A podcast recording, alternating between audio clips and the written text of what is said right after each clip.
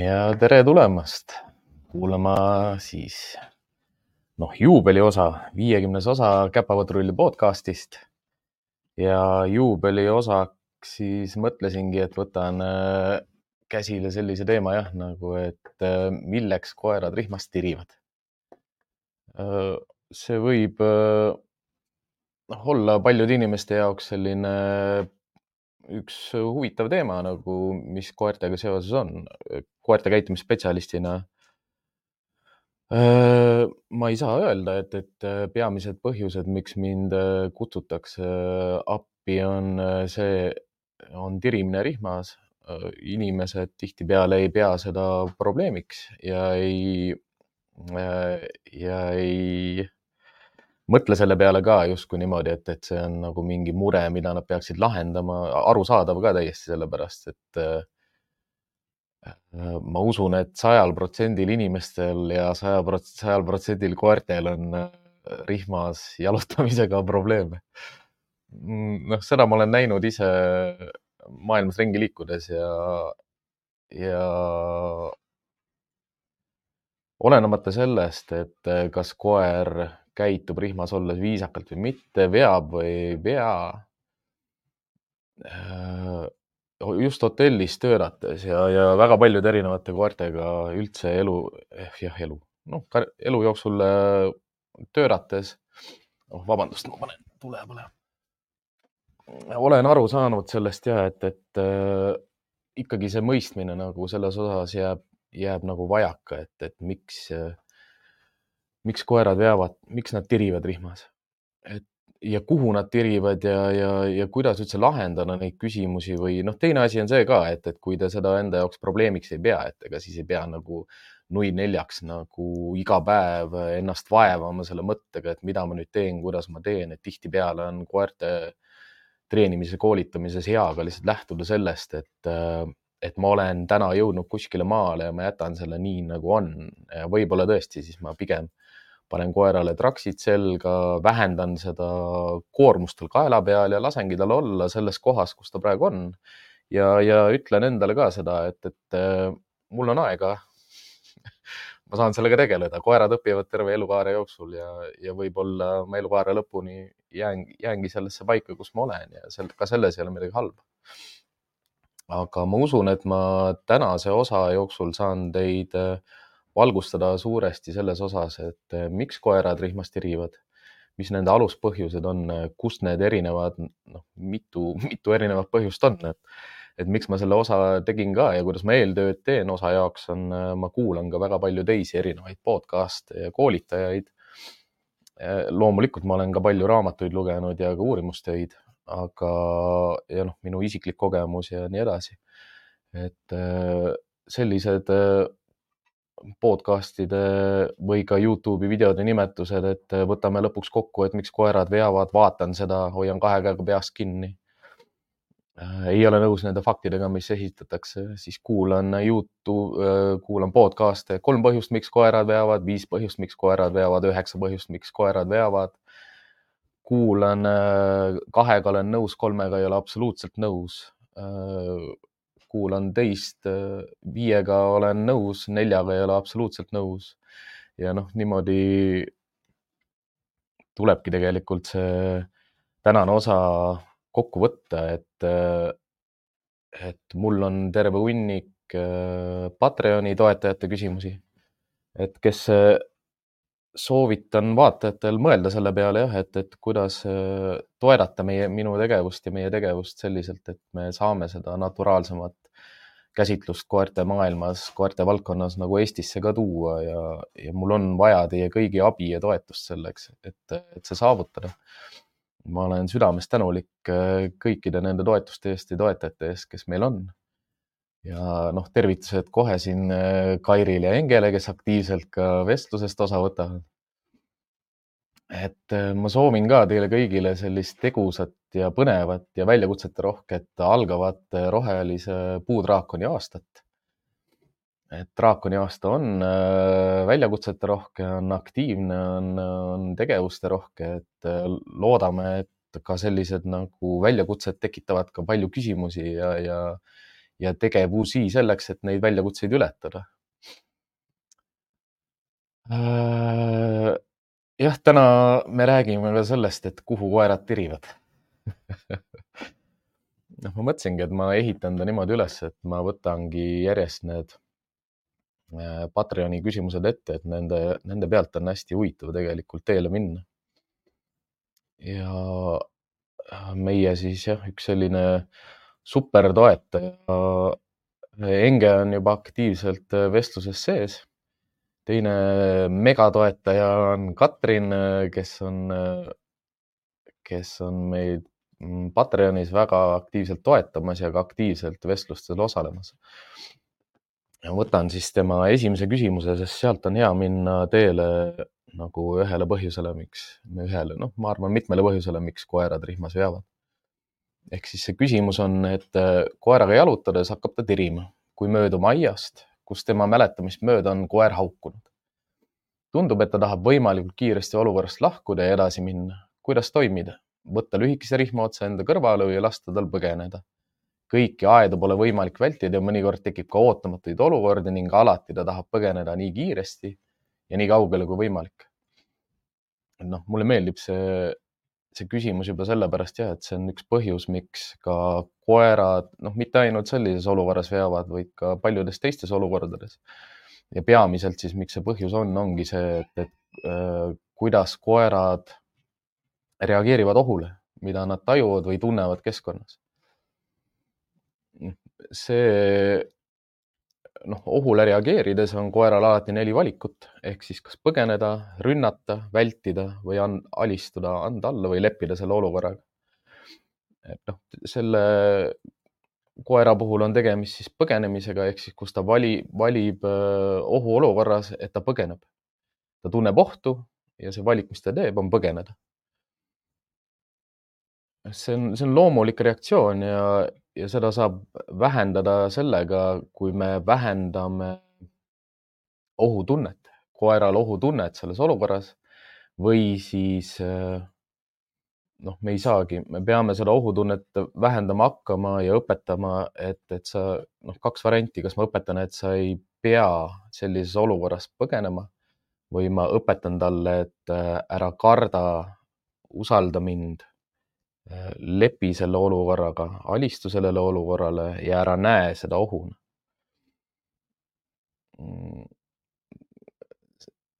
kõige lihtsam asi, mida sellistes olukordades saab teha, on äh, teadvustada endale seda, et, et kui oht on, oht, oht on ühel pool, siis ma koera panen endast teisele poole.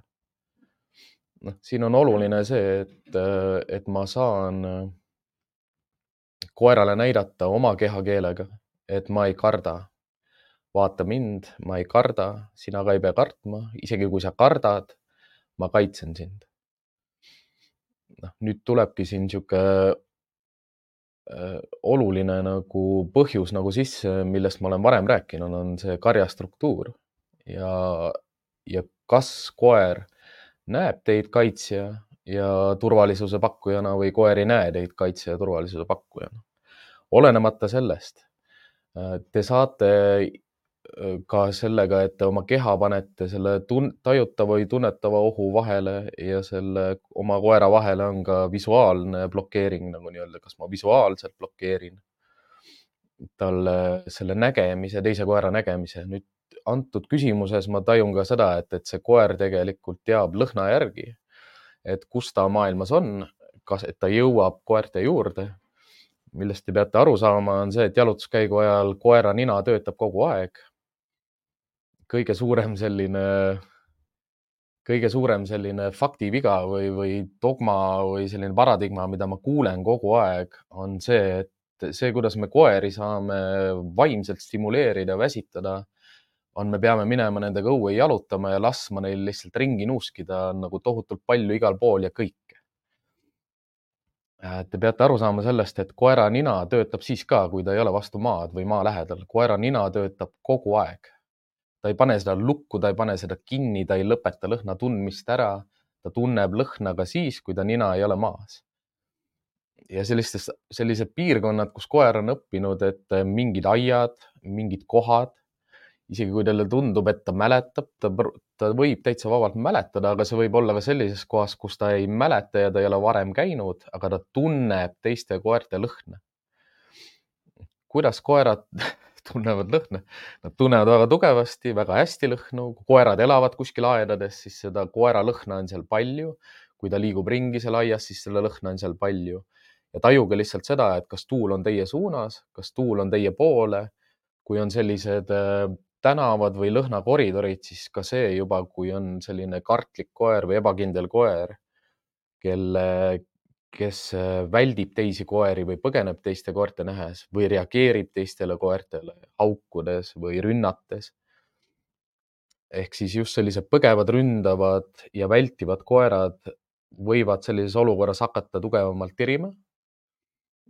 tirivad nad lihtsalt sellepärast, et nende erutus ja ärevus tõuseb nad tahavad põgeneda või liikuda selles suunas, see oht, mida nad tunnevad. noh, ja kuidas seda, kuidas seda käitumist nagu leevendada, seal ongi mitu aspekti.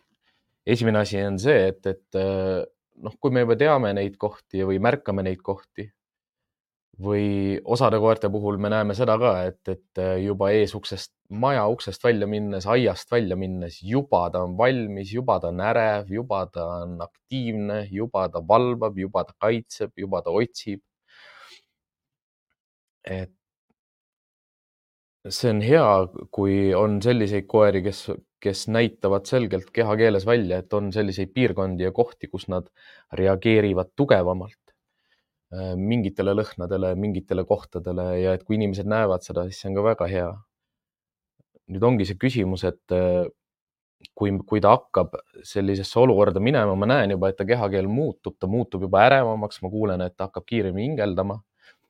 siis ongi see koht, kus jah, korjata oma koer ikkagi kokku enda kõrvale või enda, noh, enda kõrvale või enda juurde just sellepärast, et saaks talle pakkuda seda turvalist kohta ja seda inimest, kes blokeerib mida iganes oht.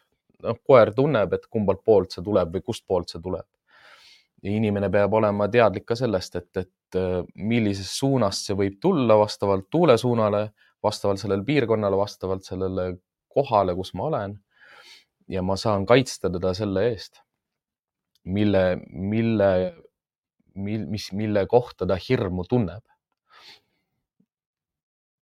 nüüd, äh, nüüd see probleem, mis tekib äh, kõikide koertega sellistes olukordades, kus nad on, äh, põgenevad, ründavad või väldivad ja me suhtleme nendega rihmas või noh, traksides, laias kaelarihmas, kasvõi ogarihmad, kasvõi tal on elektri, karjus kaelas, elektrikaelarihm, mis iganes tal kaelas on, kett, poovkett, poolpoovkett, täispoovkett, pool, mille iganes, millega iganes ma puudutan teda selles olukorras, peab endale nagu mõistma anda, et äh, koerad õpivad kogu aeg.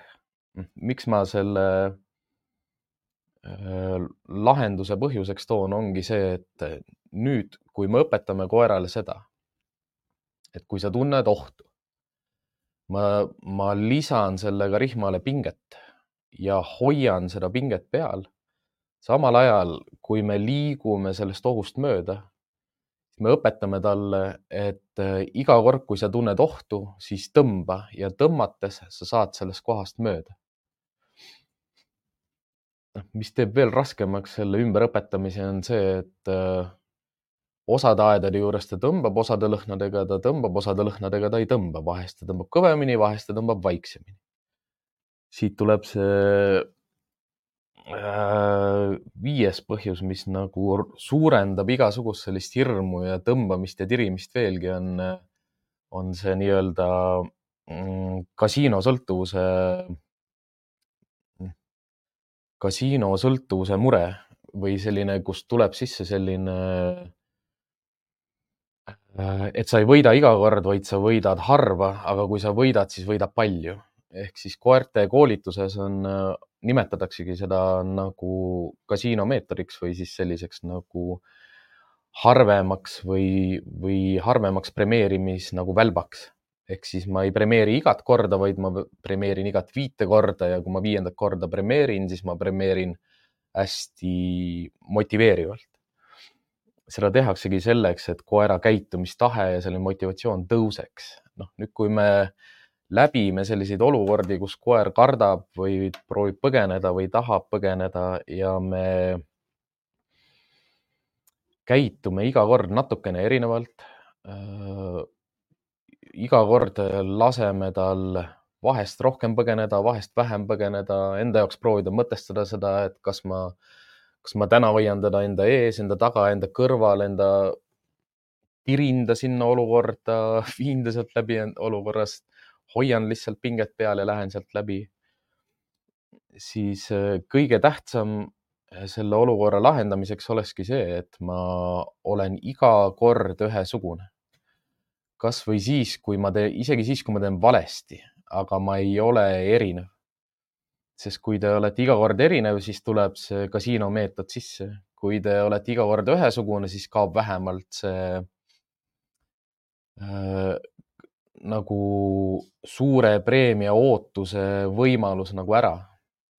ehk siis mida see annab, on see, et ma saan vähemalt mingil määral ühtlustada seda olukorda kuidas ma mingitest olukordadest läbi lähen. ehk siis tähtis on teha mingi kindel lõplik valik ja ütleme selliste koerte puhul, kes ründavad, põgenevad või väldivad. Ma teeksin minimaalseks valikuks alati selle, et ma võtan ta enda juurde lühikese rihma otsa ja lähen lihtsalt sellest olukorrast läbi. sest see on kõige parem, mida ma teha saan. mida ma teha ei saa kindlasti on, äh, ma vastangi siin tegelikult ühele äh, Helina küsimusele, kus ta, mm, kus ta annab nagu mõista, et ta, et ta vahel kõnnib minu treeningirihmaga. ja rihm on hästi kõrval taga ja see meetod, mida ta kasutab, on, et ta lihtsalt vahest jääb seisma või vahetab suunda, kui koer tirib. ja küsimus ongi see, et et mis ma nendest kahest nagu üldlevinud meetodist arvan, ehk siis seismajäämine või ümberpööramine. ongi see, et sellistes olukordades, kui me jääme seisma, siis me jääme seisma koeraga olukorras, kus ta kardab hirmu. me ei anna, me ju ei, me ei oota seal nii kaua, et ta desensitiseeriks või ma suudan teda sotsialiseerida. noh, mis ei ole üldse, mis ei ole võib-olla nagu, nagu kõige valem kõige halvem valik, aga nüüd jälle küsimus tuleb selles, et kui ma nüüd seisan seal ja proovin seda rihmapinget ühe koha peal lõpuks maha saada, mida ma ka ise tegelikult kasutan, äh, selliseid noh, ütleme kartlikke või ka agressiivseid või, või põgenevaid koori koolitades. oluline on see, et ta selles olukorras lõpetaks põgenemise, vältimise ja ründamise noh, kui te, kui te olete kindlad, et te suudate saavutada sellises põgenemise, ründamise, vältimise olukorras selle, et te rihmaga äh, annate talle mõista, et põgenemine ei ole võimalik, vältimine ei ole võimalik ja ründamine ei ole võimalik. tee mingi teine valik, vali midagi muud, sest vaata, kui rahulik mina olen, kui, kui te ei suuda sellises olukorras talle anda mõista seda, et vaata mind, tunneta mind koge minu rahu ja jää rahulikuks. siis te ei saa ka kasutada seda, et te jääte seisma. kõige lihtsam on sellest olukorrast siis lihtsalt läbi liikuda, mitte tagasi pöörata, sest siis te õpetate talle, et äh, iga kord, kui me ohtu tajume, siis me keerame ringi ja läheme ära. Te ei saa elu lõpuni koeraga kõikidest olukordadest, mis talle ei meeldi, põgeneda kui me üldse mõtleme näiteks selle aias hauku või, või ka aias mitte haukuva koera puhul, aga lihtsalt, kus koer tunneb seda äh, hirmu, sest tal on äh, mälupilt sellest kohast selle lõhnaga seoses, siis ma ei, ma ei forsseeriks seda, et iga kord, isegi kui see ärriti on nii madal, et teist koera ei olegi, on ainult lõhn, siis ma ei õpetaks talle, et isegi nii madala ärritiga me põgeneme sellest olukorrast. ehk siis ma, ma võtan talt selle võtan talt selle ärriti maha. sest ärriti ma saan talt ju maha võtta ka sellega, kui ma lähen sealt lihtsalt mööda. mul ei ole mõtet keerata ümber ja minna tagasi. noh, samamoodi kui me õpetame koera rihmas jalutama, siis, siis me ei jää seisma, me liigume kogu aeg edasi. sest äh, sellel tagasipööramisel ei, on täpselt sama efekt, mis edasiminemisel. olenemata sellest olukorrast, et kus, kus tal jälle see erutus, ärevus, hirm, põgenemine, vältimine jälle esile tuleb ehk siis kõige parem on ikkagi liikuda alati edasi, kui te koeraga jalutate. Lihtsalt oluline on seal see, et te, et te hoiate teda enda juures või enda kõrval või endaga koos.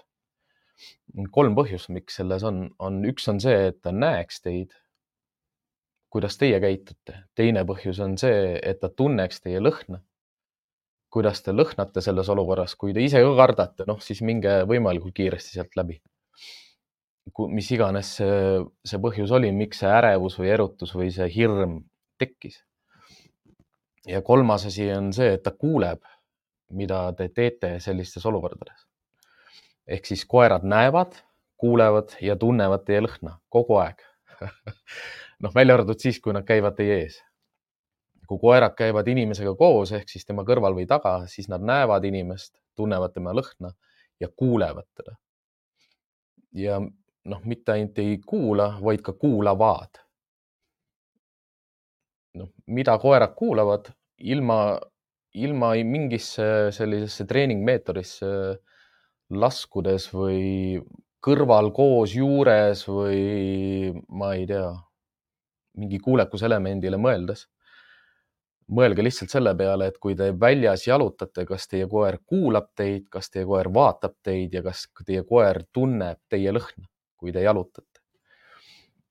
Kui sellistes olukordades, kus koer kardab, väldib, põgeneb, ründab, ta ei näe teid, ta ei tunne teie lõhna ja ta ei, ta ei kuula teid ehk siis noh, kuidas koerad on erinevad, erinevate koerte puhul on see kuulamise koht on nagu oluline mõista oma tõu puhul noh, on lontkõrvad, on ära lõigatud kõrvadega koeri, on, on ilusate teravate kõrvadega koeri.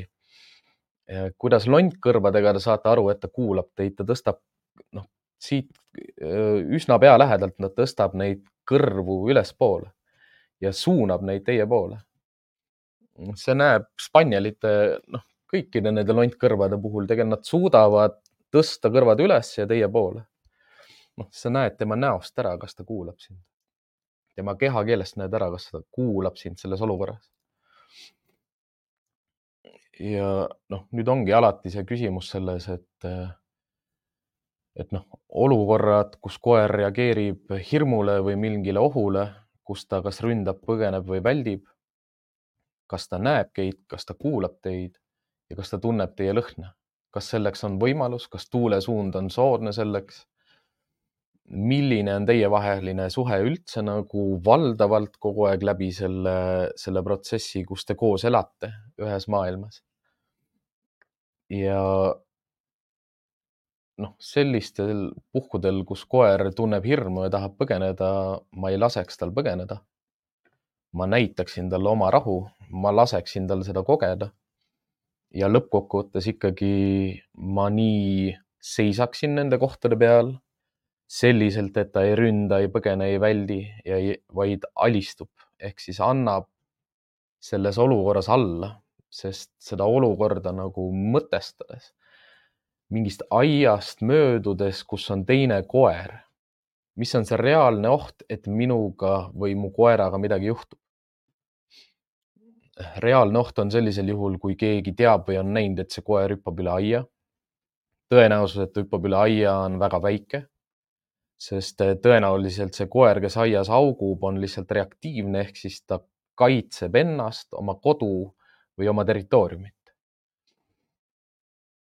noh, teine põhjus muidugi sellest haukumisest on see, et, et ta ärevus ja erutus tõuseb ja läbi hirmu ta hakkab veel rohkem haukuma, veel aktiivsemalt haukuma, veel vihasemalt haukuma. eriti veel siis, kui iga kord, kui ta haugub, kõik lõpuks ära lähevad ja iga kord võidab. ehk siis noh, ta on, ta on nagu suletud ring mõnes mõttes, et hea on kõikide aias haukuvate koertega teha seda, et ma jään seisma, ootan, kuni ta anname augu ja siis lähen edasi. sest me õpetame ka teisi koeri, aga noh, ma tean seda ise ka reaalselt maailmas, et see ei ole võimalik. aga, aga selle suunas saab järjest rohkem liikuda, mida rohkem inimesi seda teevad, seda rohkem aias olevaid koeri õpivad. me saame õpetada ka mitte ainult enda koeri, vaid me saame õpetada ka teiste koertele, et haukumine ei aja mind ära. aga noh, see ei ole, see ei ole vedamisega seotud. noh, mis on vedamisega seotud, on see, et põgenemine ei ole valikus, vältimine ei ole valikus, ründamine ei ole valikus ja kuidas ma seda teen, ma lihtsalt hoian koera kinni ja proovin teda maha rahustada. noh, sellepärast ongi raske traksi teda, traksidest koera sellises olukorras maha rahustada, laia kaelarihmaga sellises olukorras koera raske maha rahustada. ogarihmaga saab koera sellises olukorras maha rahustada, kui ma õpetan koerale, et ma teen sulle haiget, kui sa nii teed ja ma teen sulle palju haiget, kui sa nii teed. ja siit ei tule ju seda usaldust inimese vastu või austust inimese vastu. miks mul, miks mina kasutan nöörrihmasid ja miks mulle see meeldib, on see, et see rihm püsib, kui ta on õige koha peal ja ma saan koera katsuda, ma saan alati kasutada nii palju jõudu kui vaja ja nii vähe kui võimalik. ja paljude koerte puhul ei, ei pruugi see jõud, mida ma kasutan, ollagi üldse väga tugev või suur. ja kui mul mingi vahendiga on koera lihtsam kinni hoida või tagasi hoida või vähem haiget talle teha, siis ma seda kasutangi. aga see noh, mõeldes võib-olla äh, Katrini koera peale, siis siis ma sellises olukorras jah, ei, pigem ei laseks tal põgeneda. sest kui ma lasen tal põgeneda, siis ta õpib, et sellises olukorras ma pean põgenema, aga see olukord ei ole ohtlik ja ta ei peaks põgenema tegelikult. Ja üldiselt ka põgenev koer toidab teise koera aktiivsust, sest koerad saavad ju jõudu juurde sellest, kui nad näevad, et teine tahab põgeneda hea on õpetada koertele olla neutraalsed sellistes olukordades, kus, kus nad tunnevad hirmu, et mitte näidata ka kehakeeles teisele koerale, et ta kardab. sest teised koerad võivad rünnata ka lihtsalt sellepärast, et ta kardab. Ja noh, sellised koerad, kes eh, tahavad põgeneda iga kord, kui nad hirmu tunnevad, nad põhimõtteliselt eh, põgenevad nii kaugele, et ma ei näe teda, ta ei tule kutsumise juurde, juurde, noh, kutsumise peale ta ei jää seisma ta ei tule tagasi. selliste koertega ma pean seda reaktsiooni järjest vähendama hakkama, mis on tema põgenemise, no põgene, õpitud põgenemiskäitumine. Aga seda saab teha ainult siis, kui ma ise jään rahulikuks, kui ma saan koera maha rahustada ja tänu minu koera maha rahunemisele rahunevad ka aedades olevad koerad maha, mida, mida mina kasutan väga palju Äh, sellistes piirkondades, kus koerad elavad aedlinna, linnades või sellistes piirkondades, kus nad peavad jalutama tihti aedadest mööda. et, et see paigal, paigal seismine ja ootamine, see töötab, see töötab, tagasipööramine ei tööta. ja lihtsalt läbiminemine töötab ka, kui see on see valik, mida ma saan teha selles olukorras, mis mul täna on ma tean, et ma vähemalt ei suurenda või vähenda premeerimist. ma lihtsalt lähen äh, neutraalselt, ühtlase pingega lihtsalt, äh, lihtsalt mööda sellisest olukorrast. Et see ka aitab äh, selliseid olukordi edaspidi nagu vähendama või rahustama hakata, sellepärast et ma ei lisa talle sellesse õppimisse nii palju variatsioone, kus ma premeerin kord rohkem, kord vähem, kord ühtemoodi, kord teistmoodi. sellest äh, õpetamisest me jõuame ka täna ilmselt rääkida. kuigi osa kisub minema päris pikaks. siis teine küsimus, mis Katrinil oli, oligi see, et kui juhtub, et astub kogemata jalutamise ajal maas lohiseva rihma peale ja seetõttu tunneb koer järsku rihmatõmmet, siis kuidas anda koerale märku, et anna andeks, see oli kogemata kas koeralt andeks palumine on liiga inimlikustatud käitumine? noh, koeralt andeks palumine.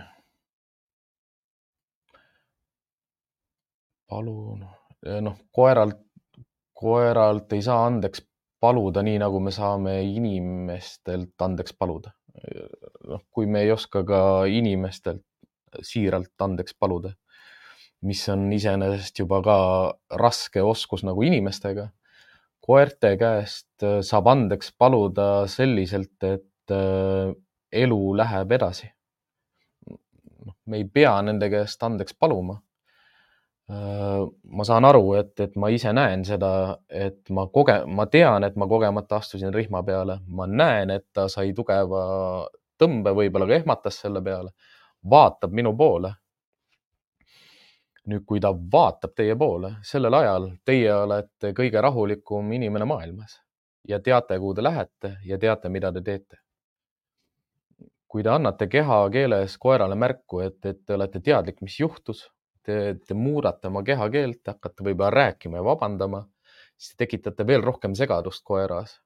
mis nüüd juhtus, miks, mida mina tegema pean, mis ma valesti tegin, nüüd ta peab arvama ära, et mida te räägite, miks te räägite, mis ta tegema peab. et kõige lihtsam sellistes olukordades, kus te kogemata endale soovimatult äh, teete midagi koerale, millega ta harjunud ei ole või mille peale ta ehmatas kõige parem, mida te teha saate, on jääda ise rahulikuks ja minna eluga edasi. sest selliselt te õpetate koerale lihtsalt, et öö, sa ei pea mitte midagi, sa ei pea mitte midagi tegema, kui nii juhtub. sa ei pea mitte midagi tegema, kui nii juhtub. ja minuga ka ei muutu, noh, ma ei pannud seda tähelegi, minu arust midagi ei juhtunud, sest noh, koerad õpivad sellest olukorrast lihtsalt seda, et see tähendab see, kui nii juhtub, siis see tähendab seda.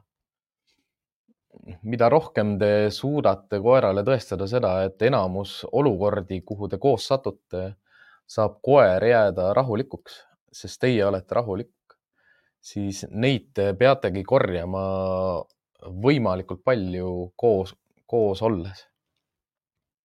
rahu toidab rahu sest koerad õpivad väga kiiresti kogu aeg ja hästi sellest, noh, mida te koos teete, kuidas te koos teete, kuidas te lõhnate samal ajal, kuidas te tunnete ennast samal ajal, mis nägusid te teete, mis häälitsusi te teete, milline teie kehakeel on.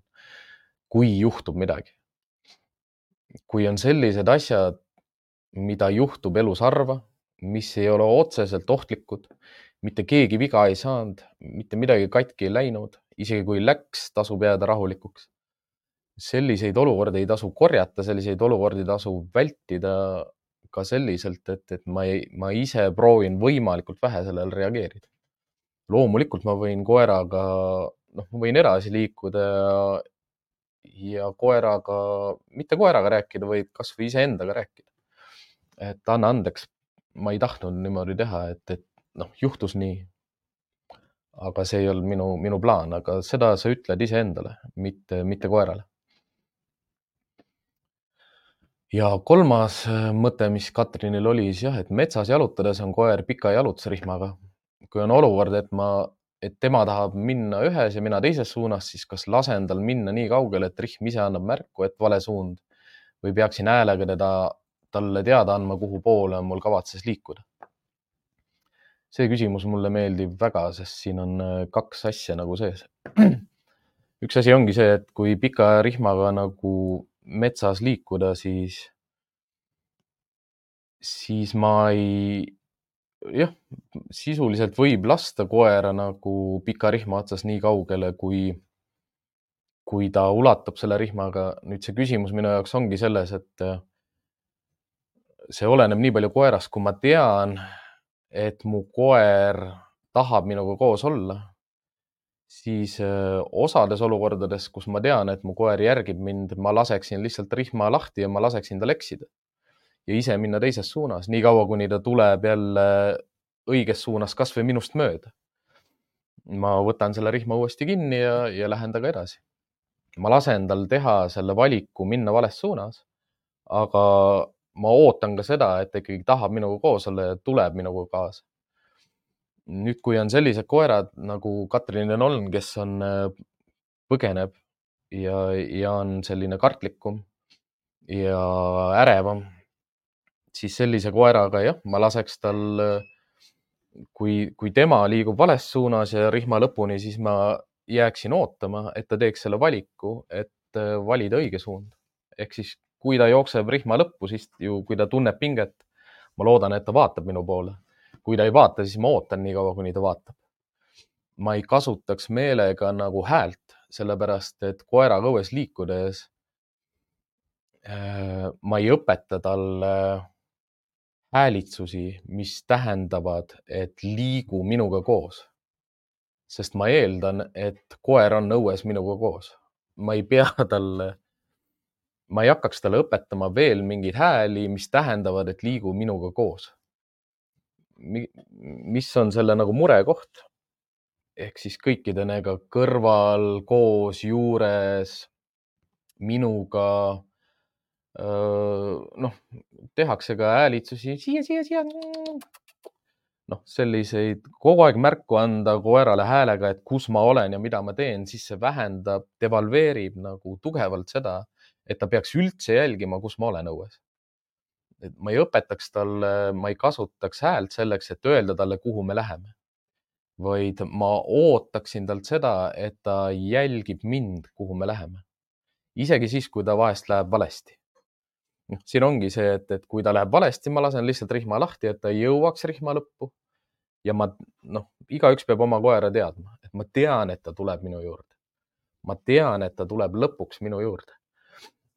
Kui ma hakkan talle õpetama seda, et ma ennetan igat viga, mida ta teeb, ma aitan teda kogu aeg, kui ta eksib häälega siis ta, tal on ka selline õigustatud ootus kogu tema jätkuva elu, et ma hakkan nõksutama, plõksutama, vilistama, paugutama, niksutama.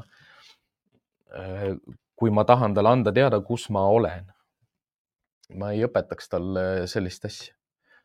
et ma ootaksin nii kaua, kuni ta otsustab mulle kaasa tulla ja ma lähen edasi nüüd raskuskoht ongi siin see pika rihmaga metsas, et ta võib minna ühelt poolt puud ja mina võin minna teiselt poolt puud. nüüd tuleb jälle see valik, et, et äh, ma ootan, kuni ta tuleb minu poolt puud, mitte ei lähe teiselt poolt puud. aga jällegi ma ei räägiks temaga sellepärast, et ma ei õpeta talle jälle, noh.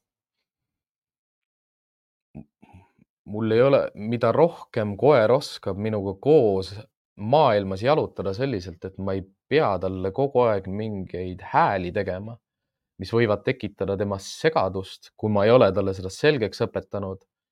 jälle tal tekib arusaamatus, mida ma tahan. vaid äh, pigem elada koeraga maailmas niimoodi, et ma lasen tal teha valikuid. Äh, vali, vali midagi muud, ära vali põgenemist, vali alistumine, lepi selle olukorraga ära mine sealtpoolt, tule siitpoolt, valik on tulla siitpoolt ja kohe, kui sa tuled siitpoolt minuga kaasa õigele poole koos minuga, siis see on õige valik ja me liigume edasi. ma ei lase tal teha valet valikut, et ma ei teeks isegi seda, et ma lasen rihma lahti ja võtan teiselt poolt puud, noh, välja arvatud siis, kui ma ajan jälge. kui ma jälge ajan, siis ma teeks seda, et korraks laseks lahti ja võtaks teiselt poolt puud. aga, aga sellisel juhul ma ei taha katkestada nagu seda, mida ta teeb kui ma lihtsalt koeraga jalutan, siis ta ei peaks jälge ajama, ma ei taha, et ta jälge ajaks. ja vali, õige valik on see, et ta tuleb ümber puu ja minuga kaasa, ilma, ilma et ma talle häälega ütleksin, et tule koos minuga või tule siitpoolt. jah, et ma ei kasutaks üldse häält üldse häält metsas. ma mängin koertega sellist mängu ka metsas, kus, kui ma lasen nad lihtsalt äh, lahti, nad jooksevad vabalt ringi. kui nad lähevad liiga kaugele minust niimoodi, et ma ei näe hästi enam neid või see distants mulle ei meeldi, siis ma lähen kohe peitu. ma ei, ma ei vilista, ma ei aevasta, ma ei köhi, ma ei aita neid üldse, nad peavad mind üles leidma. see suurendab veelgi seda, see on niisugune hea mäng, mida mängida, kus äh, suureneb see oskus sind leida äh, maailmas üles lõhna järgi. kas kasutada selleks tuul, noh, õhus olevaid lõhnu, mis tuulega puhuvad, vahest on äge. noh, mul tuleb mitu korda meelde, et kui, kui ma hotellis töötasin, siis ma kõik hotellikoerad lasin metsas rihmas lahti. ja, ja absoluutselt paljude koertega ma ei saagi seda mängu üldse mängida, sellepärast et nad ei lähe kaugele inimesest Nad püsivadki inimese juures, ma ei saa niimoodi peitu minna, et ta ei näe, kuhu ma läksin, nad alati kohe, kui ma kiiremalt liigutama hakkan või teelt kõrvale lähen, siis nad vaatavad tagasi, tulevad minu juurde. et koerad on sotsiaalsed loomad nad tahavad olla sotsiaalses koosluses. aga noh, sellised koerad jah, kes on oma ninale rohkem kontsentreeritud ja, ja õues peavad jahti või, või otsivad otsivad neid asju, mida nad on nuusutades endale kokku kogunud, et arvatavasti need asjad on siin lähedal. Need koerad võivad teadmata suunas äh, panna plagama, noh, meie jaoks nagu teadmata suunas, aga tegelikult koerad võtavad ka õhust lõhna väga hästi. aga lihtsalt äh, suunavalik ja sügavuse tajumine ei ole koerte sellised tugevamad küljed, ehk siis ega nad vahest, kui nad äh, padavai panevad mingis suunas minema, siis nad ei tee enam teadlikku valikuid, vaid nad lihtsalt põgenevad otse. oota, ma võtan vahepeal siit äh, kõrvalt vestlustelt mõned mõtted. Äh, Engel on koer metsas reeglina lahti. kui on sobiv mets, noh, ma saan aru ka, mida ma ise, minu jaoks on ka sobivad metsad, on need kuuse ja männi metsad, mis Eestis on, et sa näed kaugele ja ja saad oma koera kokku võtta, kui on, kui on vaja.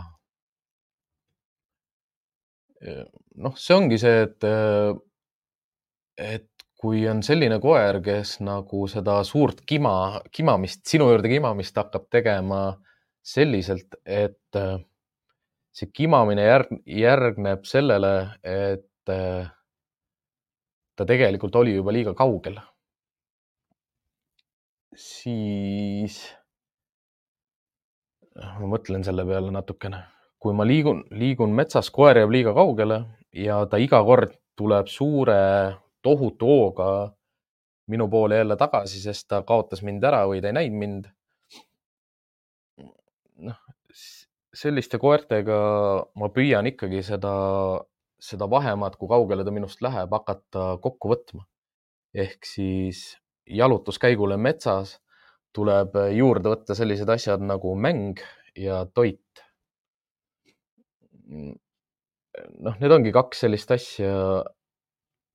noh, mäng ja toit sellistele koertele, kes on minust liiga kaugel metsas. ja jalutusrihm uuesti külge ja mitte vabadust anda sellistele koertele, kes lähevad tükiks ajaks kaugele ära aga need mängud, mis metsas saab teha, ongi see, et eh, noh, jälle see jackpot'i meetod on oluline, et, et iga kord, kui ma metsa lähen, me ei mängi, aga vahest me mängime, sina ei tea, millal. aga see eeldab jah seda, et teil on mänguasjad kaasas. noh, minul on alati kott eh, mänguasjadega seljas. Eh, kui ma lähen koertega suurtematele ringidele, siis mul on ka joogi, vesi ja üks toidukord kaasas. noh, oleneb päevast. aga mängin, äh, mängi, mängid koeraga siis, kui ta tuleb jooksuga sinu juurde tagasi ja vaatab sulle otsa. kui ta tuleb tagasi ja tegeleb ja otsib järgmist sihtmärki või mida iganes, ta on sinu lähedal, aga läheb sinust mööda nagu postist, siis ei mängi temaga. aga kui ta tuleb tagasi ja vaatab sulle otsa selliselt, et kas sul on midagi, kas me teeme midagi, kas me saame midagi teha siis ma mängiksin temaga. noh, üks võimalus on see ka juba, et ma võtan tegelikult sellel ajal, kui ta must maha jäi, mänguasjad kätte. ja kui ta tagasi tuleb ja ta kasvõi mänguasjade lõhnades tekib see reaktsioon, et vau, sul on mänguasjad. siis ma hakkan temaga mängima, aga jällegi mängureeglid hästi olulised, et kes alustab mängu ja kelle omad on mänguasjad ja mille eest ma mänguasju annan. ehk siis noh, tulevad meelde mõned siledakarvalised saksa jahikoerad, Ridgebackid või siis need hallid Weimaranerid. noh, nendega ongi oluline see, et kui ta tagasi tuleb, ta teab, mis mäng on või ta ei tea, mis mäng on, aga ta näeb, et sul on midagi käes. koerad on hästi sellised ressursile keskendunud ka, et mänguasi metsas on hästi metsast eristuv. ja kui ta näeb, et sul on midagi käes, kas ta tahab sinuga kontakti saada, kas ta tahab sinuga kontakti tulla ja kas ta pakub sulle piisavalt pingutust, et sinuga mängida kus ma seda piisavalt pingutust saan, ongi see, et kui ma nüüd hoian seda palli käes, ta näeb seda palli. ta näeb, et mul on midagi käes, ma hoian seda palli käes. kas ta suudab mulle pakkuda rahu, silmkontakti ja ootamist? ma, ma ei taha, et ta metsas jookseb sihitult ringi, ma premeerin pigem rahu ja kontrolli. ja ma toidan seda, et aeg-ajalt, kui ma metsas käin, minuga võib saada mängida. aga sa ei tea, millal see juhtub. aga ma olen lahke ja tore inimene. ma jagan ja mulle meeldib mängida, ma oskan mängida ja ma mängin ka. noh, metsas võib mängida noh, pallidega ma ei mängiks äh, selliste koertega, kellel on tugev jahi või noh, saagiinstinkt. Nende koertega ma mängiks pigem vedamismänge või siis nööriga pallidega või siis lendavate taldrikutega. Ja teine mäng, mida teha saab, on toidumängud. aga see eeldab seda jah, et, et see tõenäoliselt on mingi nädalavahetus, kui ma koertega lähen metsa. ma võtaksin nende toidu korra kaasa, sest ma niikuinii annan süüa alati pärast jalutuskäiku aga ma võin süüa anda ka ju jalutuse ajal, noh, ta ei ole kõige sihuke soodsam hetk, aga samas jälle ma ei pea talle palju süüa andma, ütleme siukse peotäie, noh, oleneb koerast kui on Chihuahua, siis ma ei anna talle peotäit. et noh, ma võin, ma võin mingi, noh, jälle koer, koer on must nii kaugel, et ta ei näe, mida ma teen. ma olen veendunud selles, et ta ei näe, mida ma teen. võtan selle toidu, kus iganes see mul on pandud, kas see on kotis, taskus või kilekotis ja ma puistan selle kuskile sambla sisse puu alla ja hakkan seda lihtsalt vaatama. ja vaatan seda. ma ei kutsu oma koera, tule vaata, mis ma leidsin. kui ta tuleb minu juurde, ma ei ütle talle, vaata, vaata, näed, näed, näed, otsi, otsi, otsi. Ma ei anna talle häälega märku. mida te võite teha, on see, et te vaatate seda toitu, kus see on ja teha ninaga lihtsalt niimoodi noh, nagu nuhutada ninaga, et te tunnete justkui mingit lõhna. see on nii äge, kuidas koerad taipavad nagu selle ära, et, et oo, sa leidsid midagi või sa otsid midagi, sa vaatad midagi. noh, nad on nii, kui nad on just kiiresti tagasi tulnud, nad ei kasuta nina. Nad on puh puhtalt silmad-kõrvad, nad ei, sa peadki ootama seda hetke, kui ta nii maha rahuneb, et hakkab nina kasutama. ja jälle nina kasutamise eest ta saab preemiat. noh, nüüd, kui te mõtlete nende kahe kahe tegevuse peale, mida metsas saab teha koertega just jalutades, kui nad kaugele jäävad. ongi see, et ma pre premeerin rahu, rahunemist, tähelepanu ja kontrolli ja ma premeerin nina kasutust ja rahu. Ma tahan, mulle meeldivad need käitumised, ma premeerin neid käitumisi, ma jagan, ma olen lahke, kui need käitumised juhtuvad. noh, varem või hiljem eh, koerad hakkavad graviteeruma selle poole, et, et tal ei ole mõtet lihtsalt sihitult metsas ringi joosta vaid tal on kasulik teiega koos olla.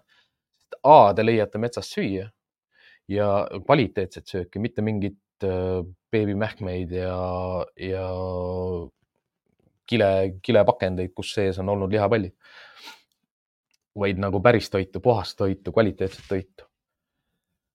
ja teine asi, et teil, äh, teil on, teil, teil on mänguasju kaasas, aga tema ei tea, kas need on kaasas või ei ole ta peab äh, tegema midagi, et neid mänguasju saada, ta peab kuidagi käituma, ta peab viisakas olema, võib-olla te ise määrate endale mingid reeglid, et juhul, kui ta näiteks kakskümmend minutit ei ole tirinud rihmas, siis ma mängin temaga metsas, kui ta tiris rihmas, siis ma ei mängi temaga metsas, kui ta haukus mingi koera peale, siis ma ei mängi temaga metsas, kui ta ei haukunud koerte peale, siis ma mängin temaga metsas, et noh, kõik sellised treenimise noh, ma ei, ma ei nimetaks neid otseselt nagu treenimise kohti, vaid need ongi sellised otsesed nagu koera loomulikud vajadused, mis tal elus on, ehk siis neil on vaja süüa.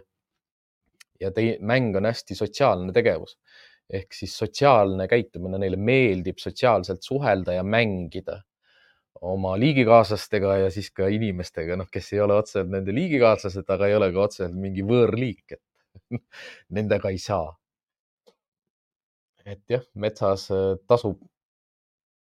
Te näete siis ka, et see vahemaa ei lähe enam nii kaugeks, sellepärast et ta teab, et ta peab teid kogu aeg nägema või teid kuulma või teid kogema.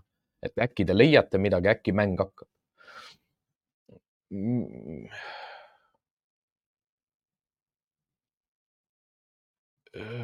koer, koer võib tunda mänguasja lõhna, ta võib ka toidulõhna tunda, aga ta peab välja mõtlema, kuidas ta seda saab ehk siis ega seda nüüd kindlustada selliselt, et äh, koer ei tea, et kas mul on midagi või ei ole mul midagi, noh, ma olen üsna kindel, et koer teab, et mul niikuinii on midagi.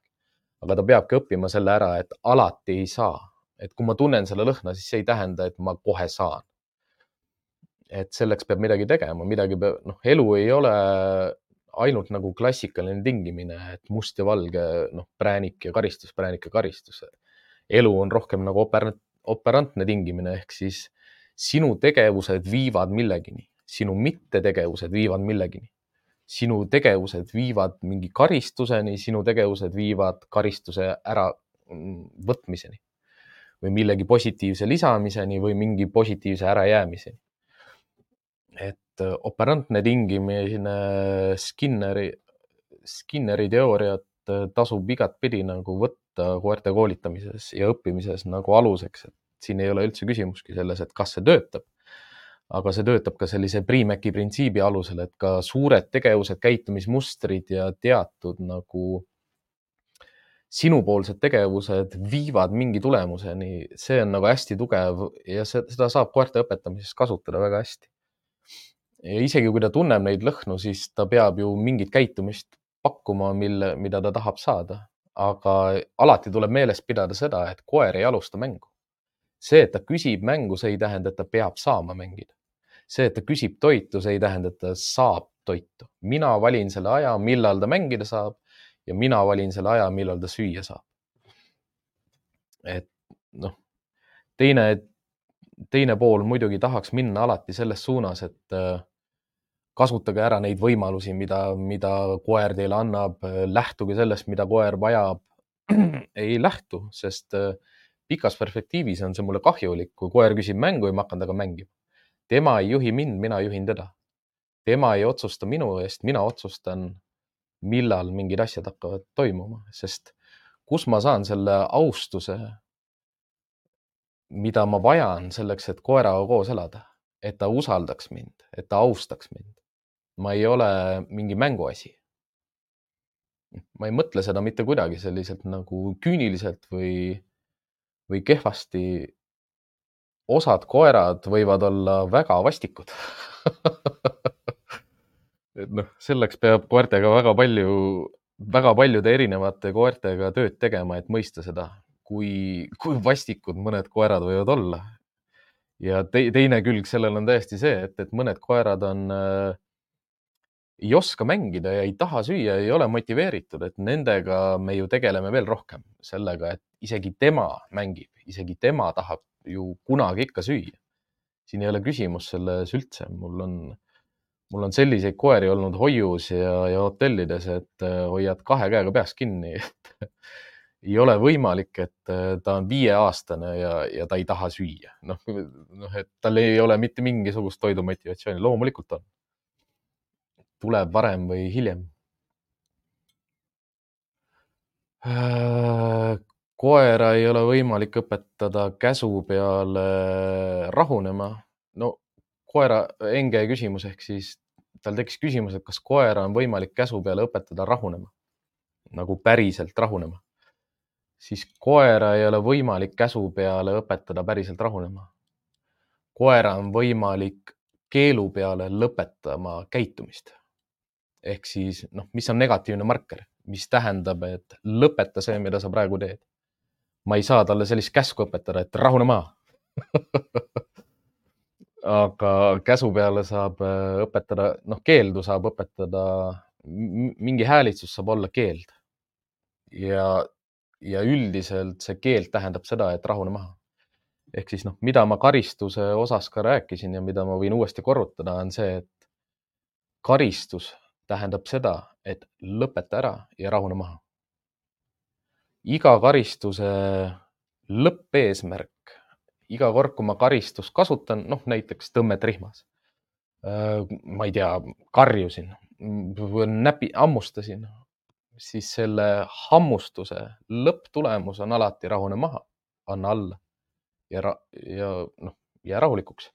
nüüd, kui ma tahan, et, et seal oleks mingi hääl, häälitsus sellel, et see hääl tähendab, et rahune maha, siis see hääl mida ma olen valinud selleks rahunemise käskluseks, noh, rahunemise käskluseks äh, jutumärkides ongi siis, noh, mina teen nipsu.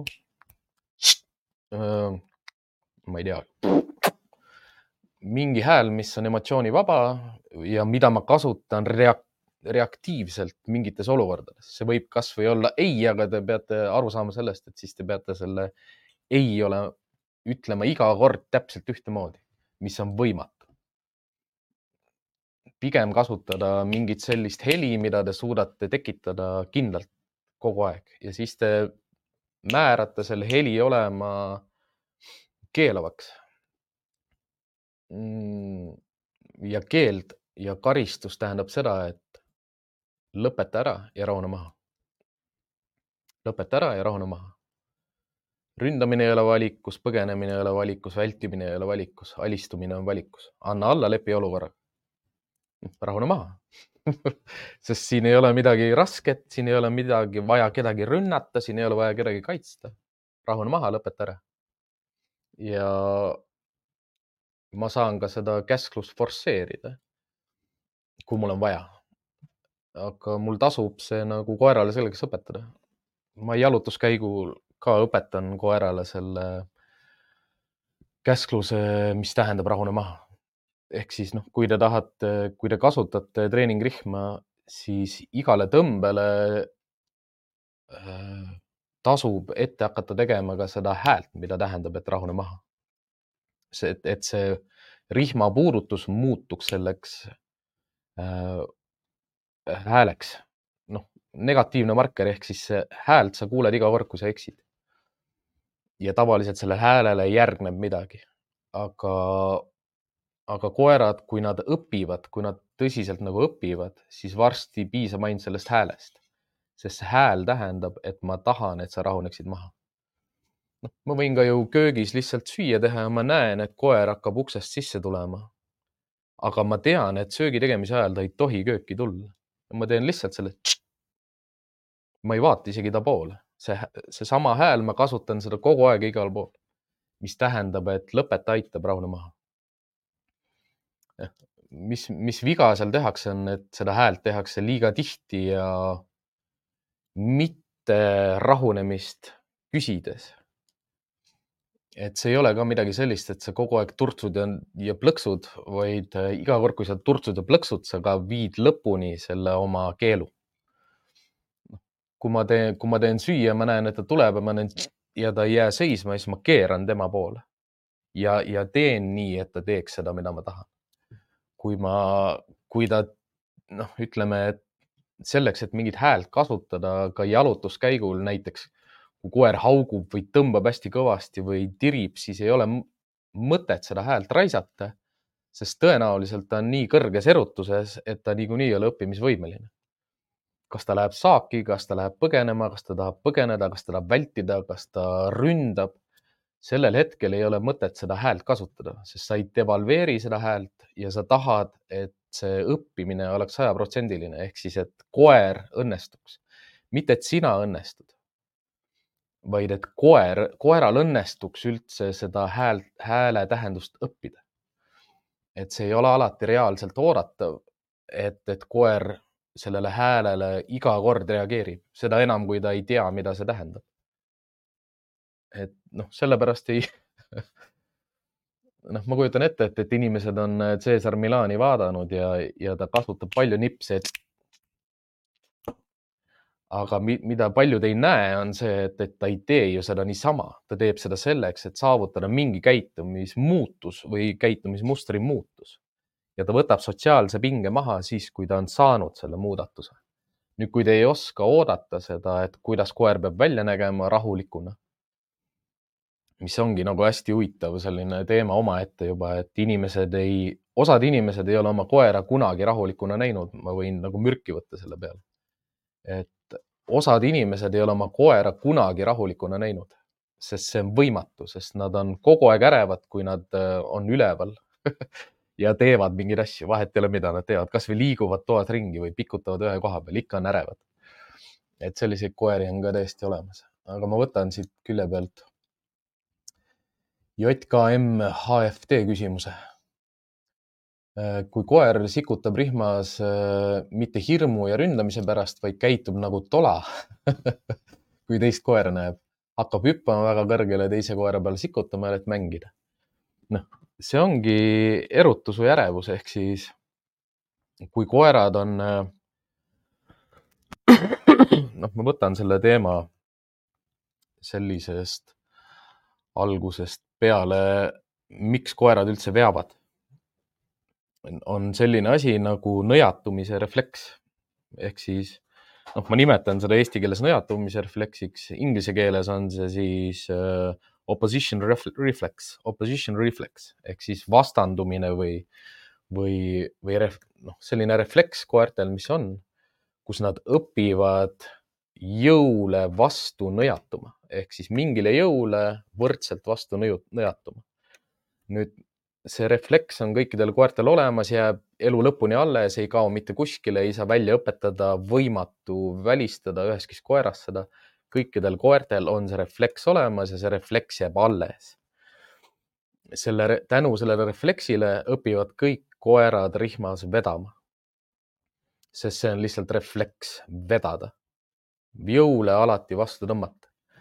nüüd, kuna koerad on, õpivad väga lihtsasti, neil on see refleks olemas ja nad õpivad läbi selle, et kui nad tõmbavad, siis nad saavad sinna, kuhu nad tahavad minna kui nad tõmbavad, siis nad saavad selle lõhnani, kuhu nad tahavad minna, kui nad tõmbavad, siis nad saavad selle sõbrani, kuhu nad tahavad minna, kui nad tõmbavad, siis nad jõuavad sinna, kuhu nad tahavad. nüüd selle tola probleem on see et äh, ta teab, et kui ta käitub nagu tola, siis ta saab sinna, kuhu ta tahab lõpuks jõuda nüüd selle tola käitumist ei vähenda äh, mitte iga kord talle sõbrani jõudmist lubada, lubamine ei paranda seda käitumist, sellepärast et tekib see kasiino efekt, kus äh, iga viies kord saab.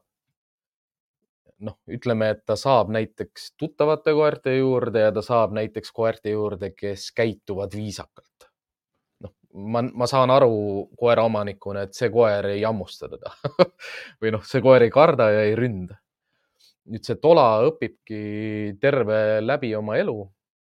et äh, tolana käitudes ja soovitud äh, noh, inimese, objekti või eseme või teise koera juurde liikudes, lõpuks ma ikka saan tänu nõjatumise refleksile, mis on kõikidel koertel olemas ja ta on õppinud niikuinii vedama rihmas või vedades saada, saama seda, mida ta tahab saada, siis see käitumine ei vähene, sellepärast et ta nii ehk naa saab lõpuks ikkagi seda, mida ta tahab.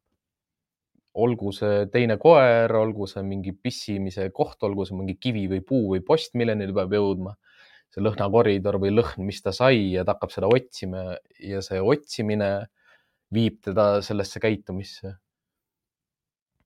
kõikide koerte mure on, algabki sealt pihta, et neil on see refleks olemas. me ise õpetame neid vedama ja vedamise jooksul me veel premeerime osades kohtades seda vedamist veel rohkem ja osades kohtades me teeme nii, et vahest saab ja vahest ei saa. vahest me lubame, vahest me ei luba. jalutamise, jalutamise noh, lõdvarihmaga jalutamise õpetamise kõige suurem mure ongi see, et me oleme terve elu, kasvõi pool aastat või neli kuud või kaks kuud, iga päev õpetan koerale, kui sa vead, siis sa saad sinna, kuhu sa tahad minna, aga sa pead tõmbama.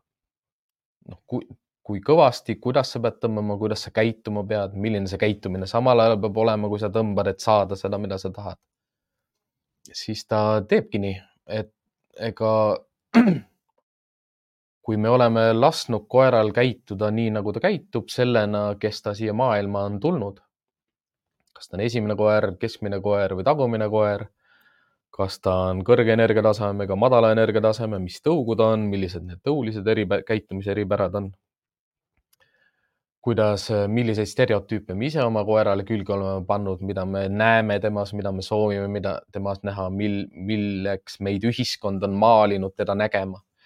noh, niisugune hästi tüüpiline, ma ei tea, Bostoni terrierid ja kuldsed retriiverid on tolad, noh, ei ole, nad on koerad. See, et ma lasen tal tola alla, see on minu enda valik või kas siis teadlikkusest või teadmatusest. mul ei oleks midagi selle vastu, kui koer, kelle ma oma ellu saan, on, ongi see tola või see happy-go-lucky, noh, keskmine koer, kes on kõigi, kõikide esemete, objektide ja asjade sõber aga see ei tähenda, et,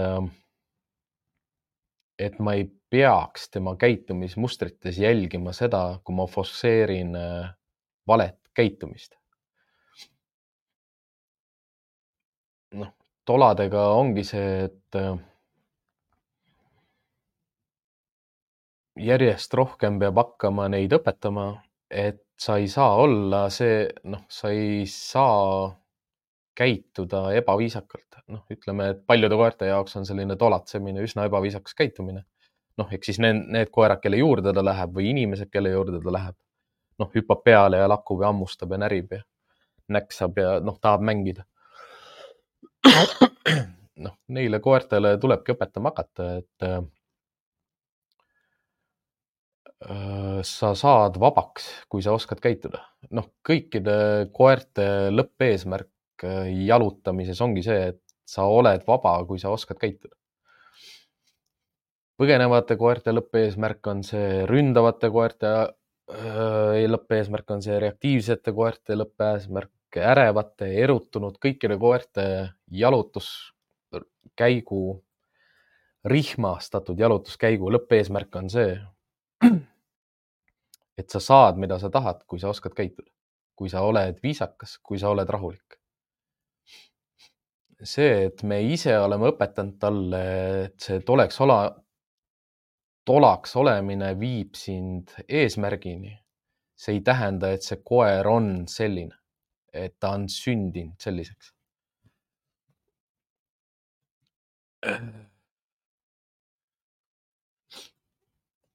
ja ainult noh, Enge, Enge mõte mulle meeldib selles mõttes, et jah, et, et Amstaff pidi olema selline happy-go-lucky koer, et inimese kõige inimene on kõige toremam asi, et ainuke asi, mis ta teeb, on limpsib surnuks, aga äh, see ei ole kindlasti kõikide Amstaffide puhul nii, aga see on väga paljude koerte puhul nii. sest limpsimiskäitumine on ju lihtsalt äh, söögi hankimine noh, miks nad inimese nägu või suud lakkuvad, on selleks, et see on jäänud sisse sellest ema suu lakkumisest, kui, kui on see arenguperiood, kus nad peavad ema suud lakkuma, et süüa saada kuna me võtame nad üsna vara enda juurde ära, siis see käitumine ei lähe välja nende repertuaarist, noh. kutsika närimine ja lakkumine on sellised asjad, mis tegelikult peaksid äh, välja surema. aga need ei sure, sure välja, sest me inimestena forsseerime neid. et ma arvan, et sellist musitavat käitumist ei ole ühelegi koerale raske õpetada, sest see on loomulik. Äh, eriti veel, kui seda kutsikast saati nagu elus hoida aga ma saan ka täiesti vabalt teha nii, et ta ei tee seda enam mitte kunagi, välja arvatud äh, mõnes sellises sotsiaalses olukorras, mida nimetatakse lipitsemiseks. ja lipitsevad koerad lähevad teise koera pea alla ja lakkuvad tema huuli, sest see on allaandmise või noh, niisugune alistumise märk. aga see on juba sotsiaalne käitumine, see ei ole seotud selle söömisega või toidu saamisega. ja happy-go-lucky koeri on palju isegi ärevate ja eru, noh, ärevate ja tagumiste koerte seas, sellepärast et inimeste reaktsioon üldiselt on ju laskuda põlvini ja hakata beebikeeles rääkima, kui nad äh, armsat koera näevad. et me ise õpetame neid selliseks, noh teadmatus ei ole lollus, on selle podcasti alu, alusmõte või selline visioon ja missioon just sellepärast, et ega in, me inimestena ise teeme koerad sellisteks, nagu nad on, kaasa arvatud me õpetame nad vedama.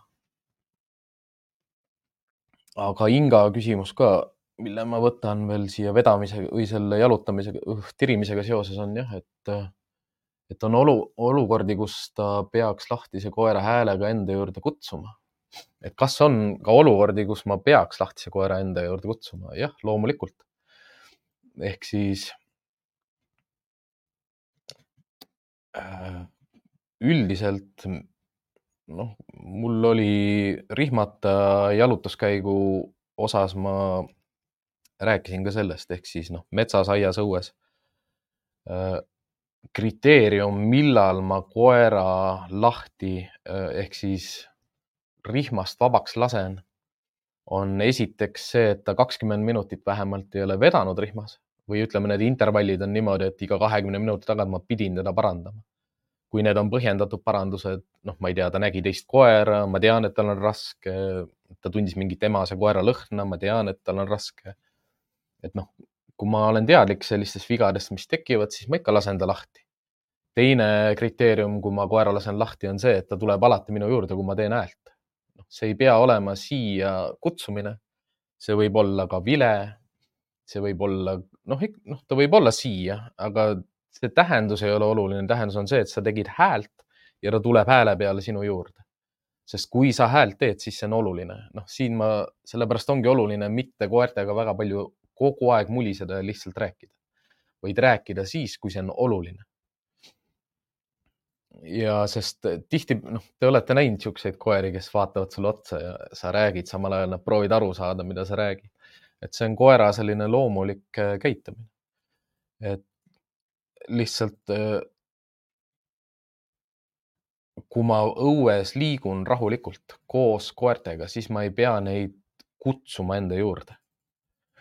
ma kutsun ta enda juurde siis, kui ma metsas liigun ja ma näen, et on teine koer, inimene, mingi loom, noh, mingi asi, mille peale tõenäoliselt tema reageerib, siis ma kutsun ta enda juurde.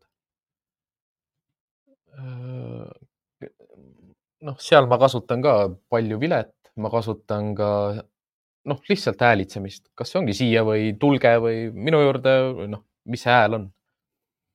et nad tulevad vaatama, mida sa, noh, mida sa lõugad siin sotsiaalsed loomad, nagu nad on, kui nad, kui nad on sinuga koos metsas. Et noh, sellepärast ongi selline kriteerium, et äh, see koer saab metsas vabaks, kes tahab sinuga koos olla, kes äh, soovib sinu juures olla, soovib sinuga suhelda, tahab teada kes sa oled, mis sa teed, miks sa siin oled, kus sa liigud, mida sa praegu mõtlesid, nagu kuidas see lõhnab, mida sa praegu mõtled. kas sa leidsid midagi, kas sa annad midagi, kas sa võtad midagi, kas sa suunad kuskile? Et noh, kui me õpetame koeri rihmas jalutama, siis esimene samm, mida me peamegi talle tegema, õpetama, on see, et ping, minu tirimine ei vii sind sinna, kuhu sa tahad minna. samamoodi tirimine ei vii sind sõpradeni ega ei aida, aita sul põgeneda ega aita sul vältida mingeid olukordi, samamoodi tirimine ei aita sul rünnata teisi koeri või neid ära ajada või neid hirmutada selleks ongi selleks ongi see jalutuskäigu õpetamine, nii nagu mina õpetan, oluline. et eh, koer kogeb hirmu, erutust, olukordi, kus ta tahaks kaduda maailmast ära koos sinuga, sinu juures, sinuga koos. just see, et ta saaks aru, kes te nagu koos maailmas olete, kuidas see asi lõhnab, kuidas see välja näeb, kuidas see tundub, mis, mis lõhnad on õhus et kui ta on teist kaugel, kui ta on teist eemal jalutades, siis ta ei koge ja ei õpi nendest käitumismustritest mitte midagi. et olukorrad, kus noh, kui me mõtleme selle peale, miks koerad tirivad rihmas, ehk siis me ise õpetasime nad rihmas tirima.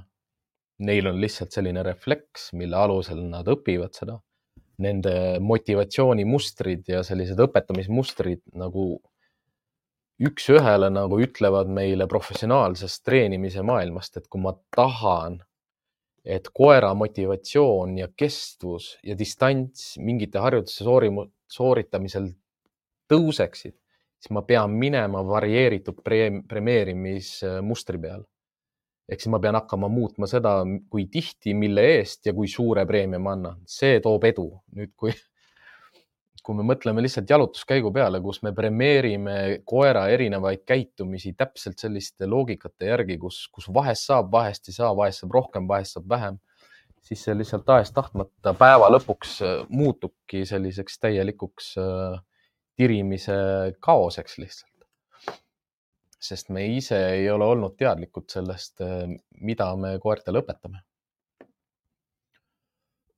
ja noh, see ei ole ainuke asi, mida me koertele õpetame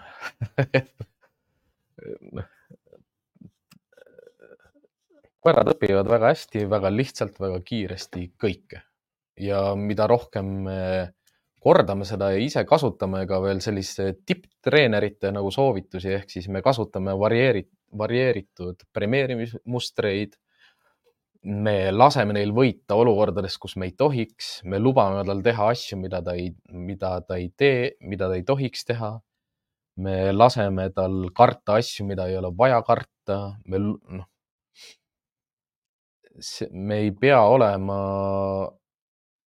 mida mulle ka alati meeldib mõelda, et see ei pea olema treening, kuhu sa lähed, et koerale midagi õpetada, see ei pea olema roheline muruplats, kus koer saab kõige paremini õppida uusi asju. koer õpib kogu aeg, igal pool, iga päev, iga kell, iga kord, kui te talle rihma külge panete. kuidas te panete, millise asja te talle külge panete? noh, siin ma võtaksingi mõned sellised nagu noh, täielik jama, mis ma olen kuulnud, mida öeldakse koera vedamiste kohta, on A näiteks selline asi, et koerad käivadki inimesest kiiremini, sest neil on neli jalga.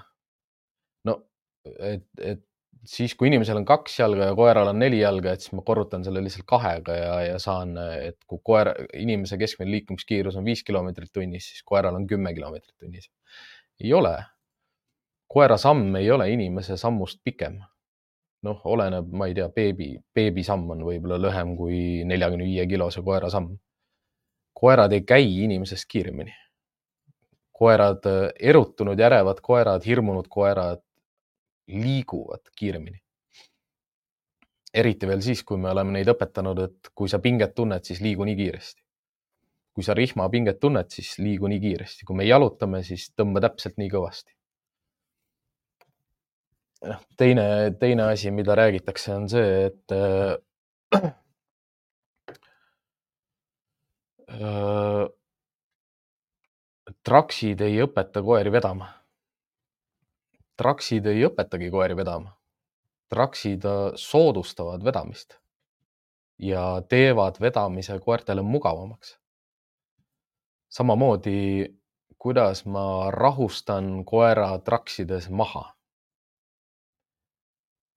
kuidas ma kontrollin koera mõnda kehapiirkonda selliselt, et koer rahuneks maha? noh, argument on neil see, et on selliseid trakse, kus kinnituspunkt on äh, rinnaku keskel, et rinnaku keskpunkt on koera keha keskpunkt, äh, mida juhtides ma saan koera suunata sinna, kuhu ta tahab, kuhu mul on vaja. noh, ma tõmban koera keskpunktist, siis ta vaatab minu poole. noh, ma võin mürki võtta, et osadel, osadel koertel te võitegi sealt keskpunktist tirima jääda, ta ei vaata elu sees teie poole. ta, ta aktiivselt keerab oma pead kogu aeg eemal. koera pead juhib koera nina. ehk siis see, kuhu nina tahab minna, sinna läheb koera, koer. noh, teine võimalus ongi hoida rihma hästi kõrgel kõrvade taga ja esimesest selgroo lülist kõrgemal niimoodi, et, et mina suunan tema pea äh,, koll, noh, põhimõtteliselt nagu koljud, kuhu see läheb, olenemata sellest, kas see nina on tal siin, noh, tal ei ole see liikuv ega pehme, kolju läheb sinna, kuhu läheb tema nina. ma saan kõrvade tagant tema pea enda poole pöörata, kui ma tahan talle otsa vaadata, aga noh, ma üldiselt ka ei koorma koeri väga palju pilguga, sest see ei ole nagu eesmärk, domineerida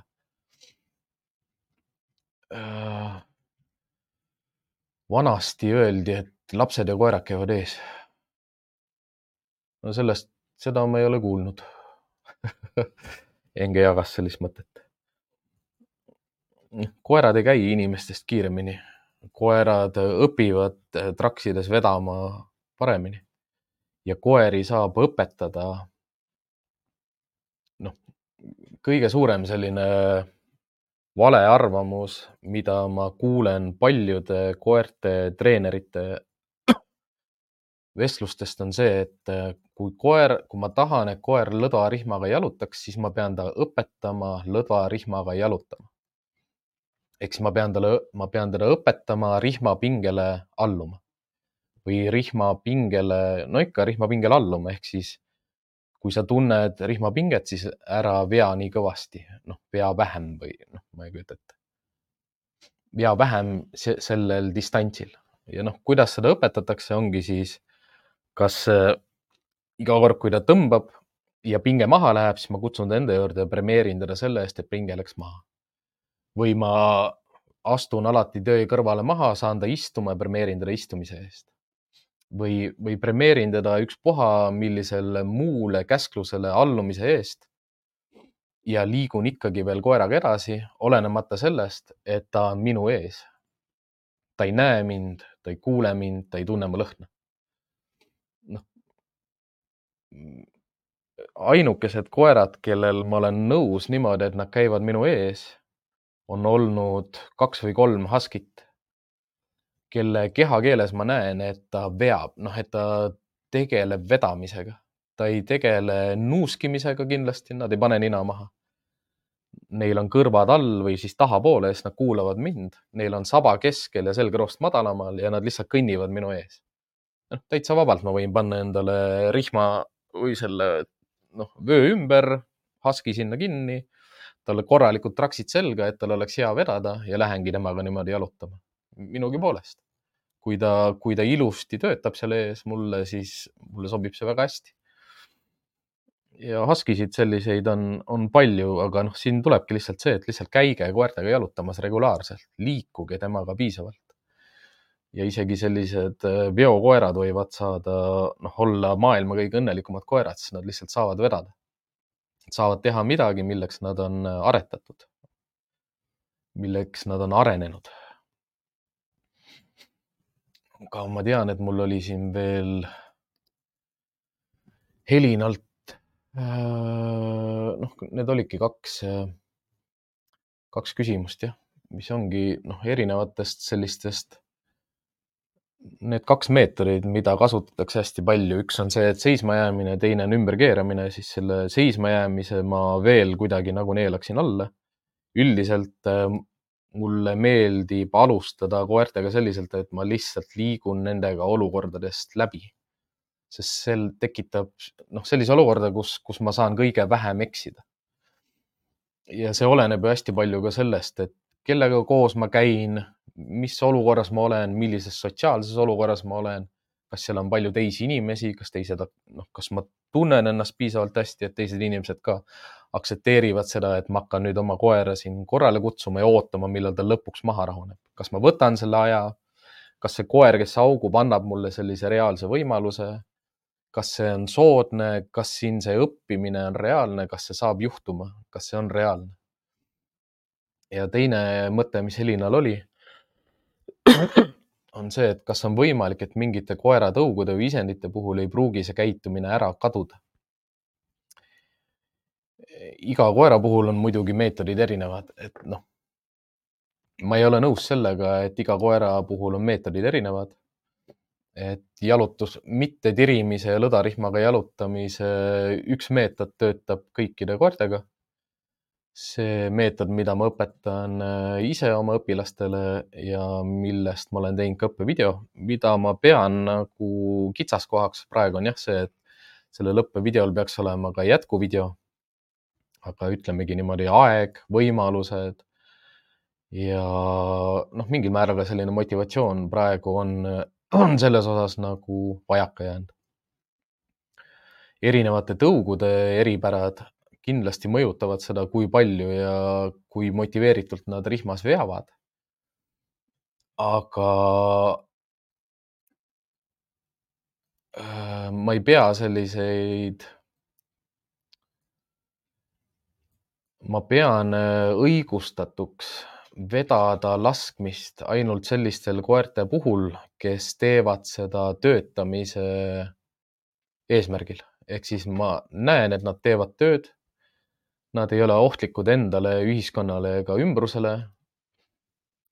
et noh, selliseid koeri ma olen näinud väga vähe, et noh, kui ikkagi arvestada seda, et, et äh, olen töötanud nagu nüüd juba ilmselt see number läheb tuhandetesse erinevate koertega, tuhandete erinevate koertega, siis äh, kaks-kolm. et neid koeri on väga vähe, kellel ma lubaksin vedada äh, ees.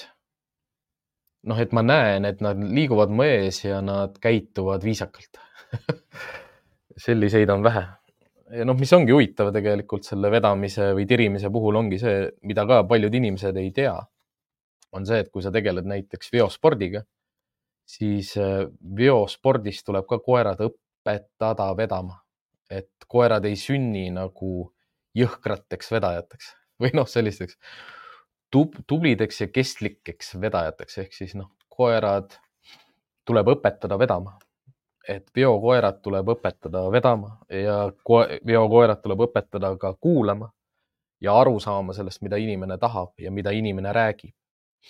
ja veokoera juhtkoeraks ei sobi täpselt samamoodi kõik koerad, vaid kindlad isendid, kindlad öö, osad isendid populatsioonist.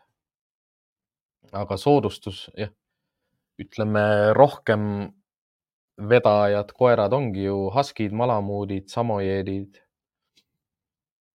mm,. ja noh, teised sellised kiiremad koerad ongi vaimaraanerid ja vaimaraanerid ja kõik need siledakarvalised saksa jahikoerad, kes on pikakuivalised. noh, nad liiguvad lihtsalt palju ja kiiresti. et ega siin muud ei olegi, et üldiselt üldiselt mina saan äh, vedamise põhjusteks sellised viis nagu, äh, ma, ma vaatan, kas ma praegu suutsin kokku võtta nagu sellest äh, vestlusest nagu seda, et miks koerad veavad. noh, üks, üks põhjus, mis ongi, ongi see reaktsioon ohule ehk siis kas põgeneda, rünnata, vältida, alistuda teine põhjus erutus või ärevus. Kolmas põhjus jah, see, kuidas koerad õpivad või kuidas nad, kuidas nende õppimine toimub, kuidas nende psüühika, füsioloogia on ehitatud selliselt, et nad õpik, õpivad vedama.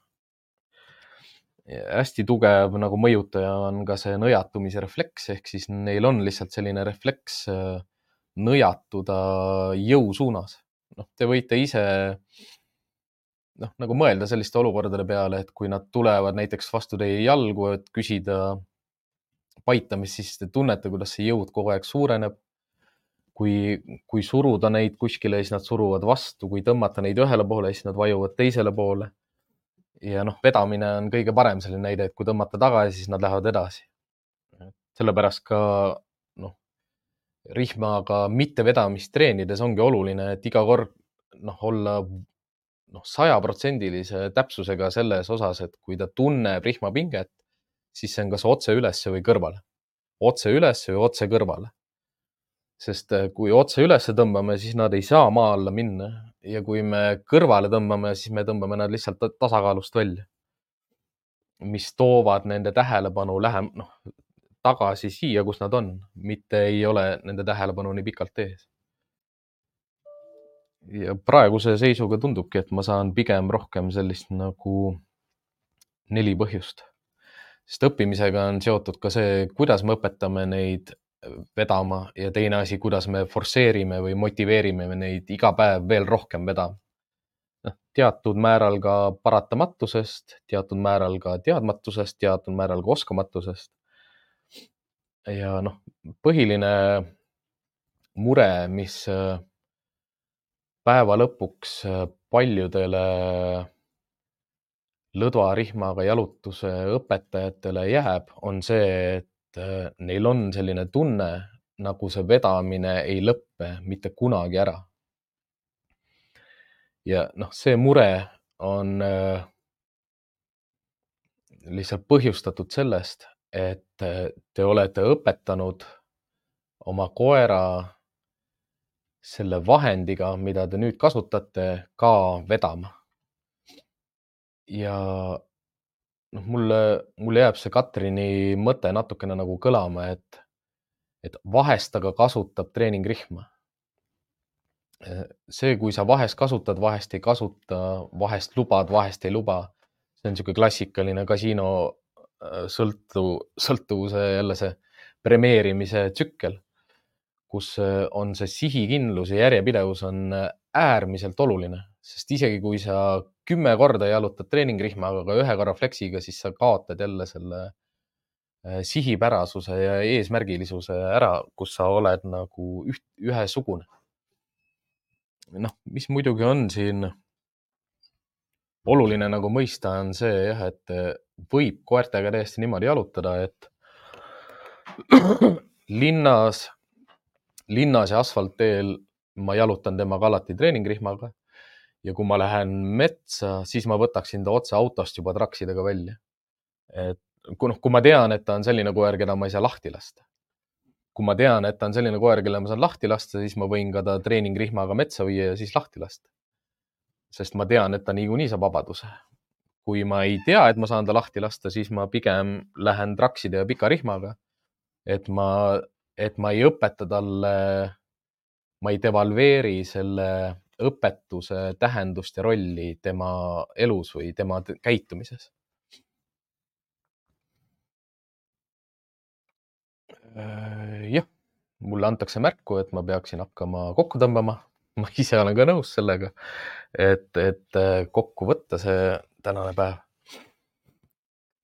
ja järgmistes osades äh, ma saan endale külaliseks siia ka veokoerte koolitajaid, et ma võtan seal uuesti teemaks selle, et kui raske võib olla ka veokoertele vedamise õpetamine. ja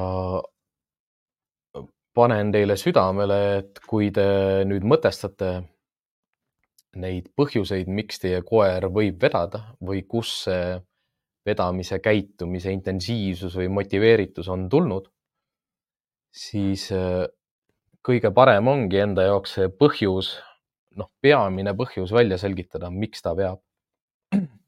kas see on hirm, kas see on erutus, kas see on ärevus, kas see on soov põgeneda, kas see on soov rünnata, kas see on soov vältida.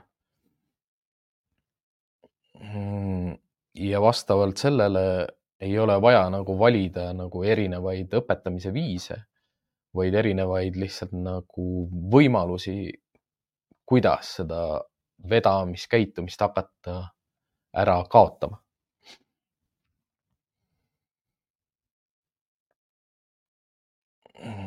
ma arvan, mul on piisavalt olnud osasid, kus äh, ma räägin nendest põhjustest, miks koerad ei, ei saa meid aru, miks nad ei allu meile, miks nad ei usalda meid. ja teiseks äh, ma arvan, et on piisavalt materjale ka väljas, kus ma olen selgitanud ja õpetanud ja näitlikustanud seda, kuidas õpetada koertele mitte vedama. aga noh, lõpumõte, mis ma tahakski öelda, on see, et kui, kui, kui toidupreemia ei aita, mängupreemia ei aita, traksid ei aita, ja mingid muud meetodid ei aita, siis soovitan ikkagi pöörduda karistuse poole. see ja ma olen ka karistuse tähendust ja mõtet selgitanud. karistus ei tähenda koerale haiget tegemist, karistus ei tähenda koera piinamist. karistus tähendab seda, et karistus on piisav, et käitumist vähendada, noh, karistus peab käitumist vähendama ja kui ta hakkab vähendama, siis see karistus võib jääda järjest väiksemaks. noh mm,. tuleb olla lihtsalt jah, selles mõttes teadlik sellest, miks see tirimine tekkis. kuidas, mis on need peamised põhjused, miks koer tirib.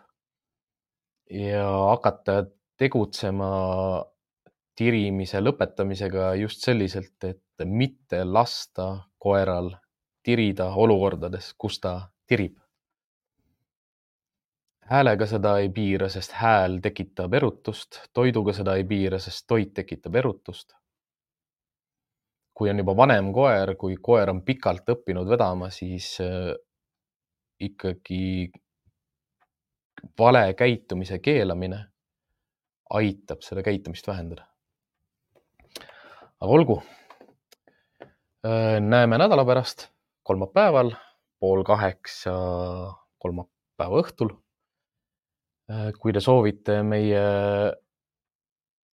tegevust toetada, siis on võimalus seda teha lihtsalt neid videosid like ides. toetab ka see, kui te lihtsalt kommenteerite, kasvõi lihtsalt tänate aitab see, kui te tellite meie podcast'i, kas siis Apple podcast'idest või Spotify'st või Youtube'i teavitused Youtube'ist. ja kõige paremini saate teid toetada meid Patreoni ühe toetaja paketti valides. samamoodi ootan igasugust tagasisidet, et kas need toetussummad on korrektsed, õiged, teile sobivad, kui soovite madalamaid summasid, andke sellest teada. Patreoni toetajatega on mul otsesem suhtlus. ma, nad teavad äh, osade teemasid natukene ette, valdavalt sellele, kui palju mul on võimalus seda teha. ja Patreonide küsimused ka kõik saavad äh, käsitletud äh, teema osades. aga jah äh,, ilusat aasta algust veel teile kõigile, tuleb põnev ja teguderohke ja väljakutsete rohke aasta. Ja tuletan ikka ja jälle seda meelde, et teadmatus ei ole lollus.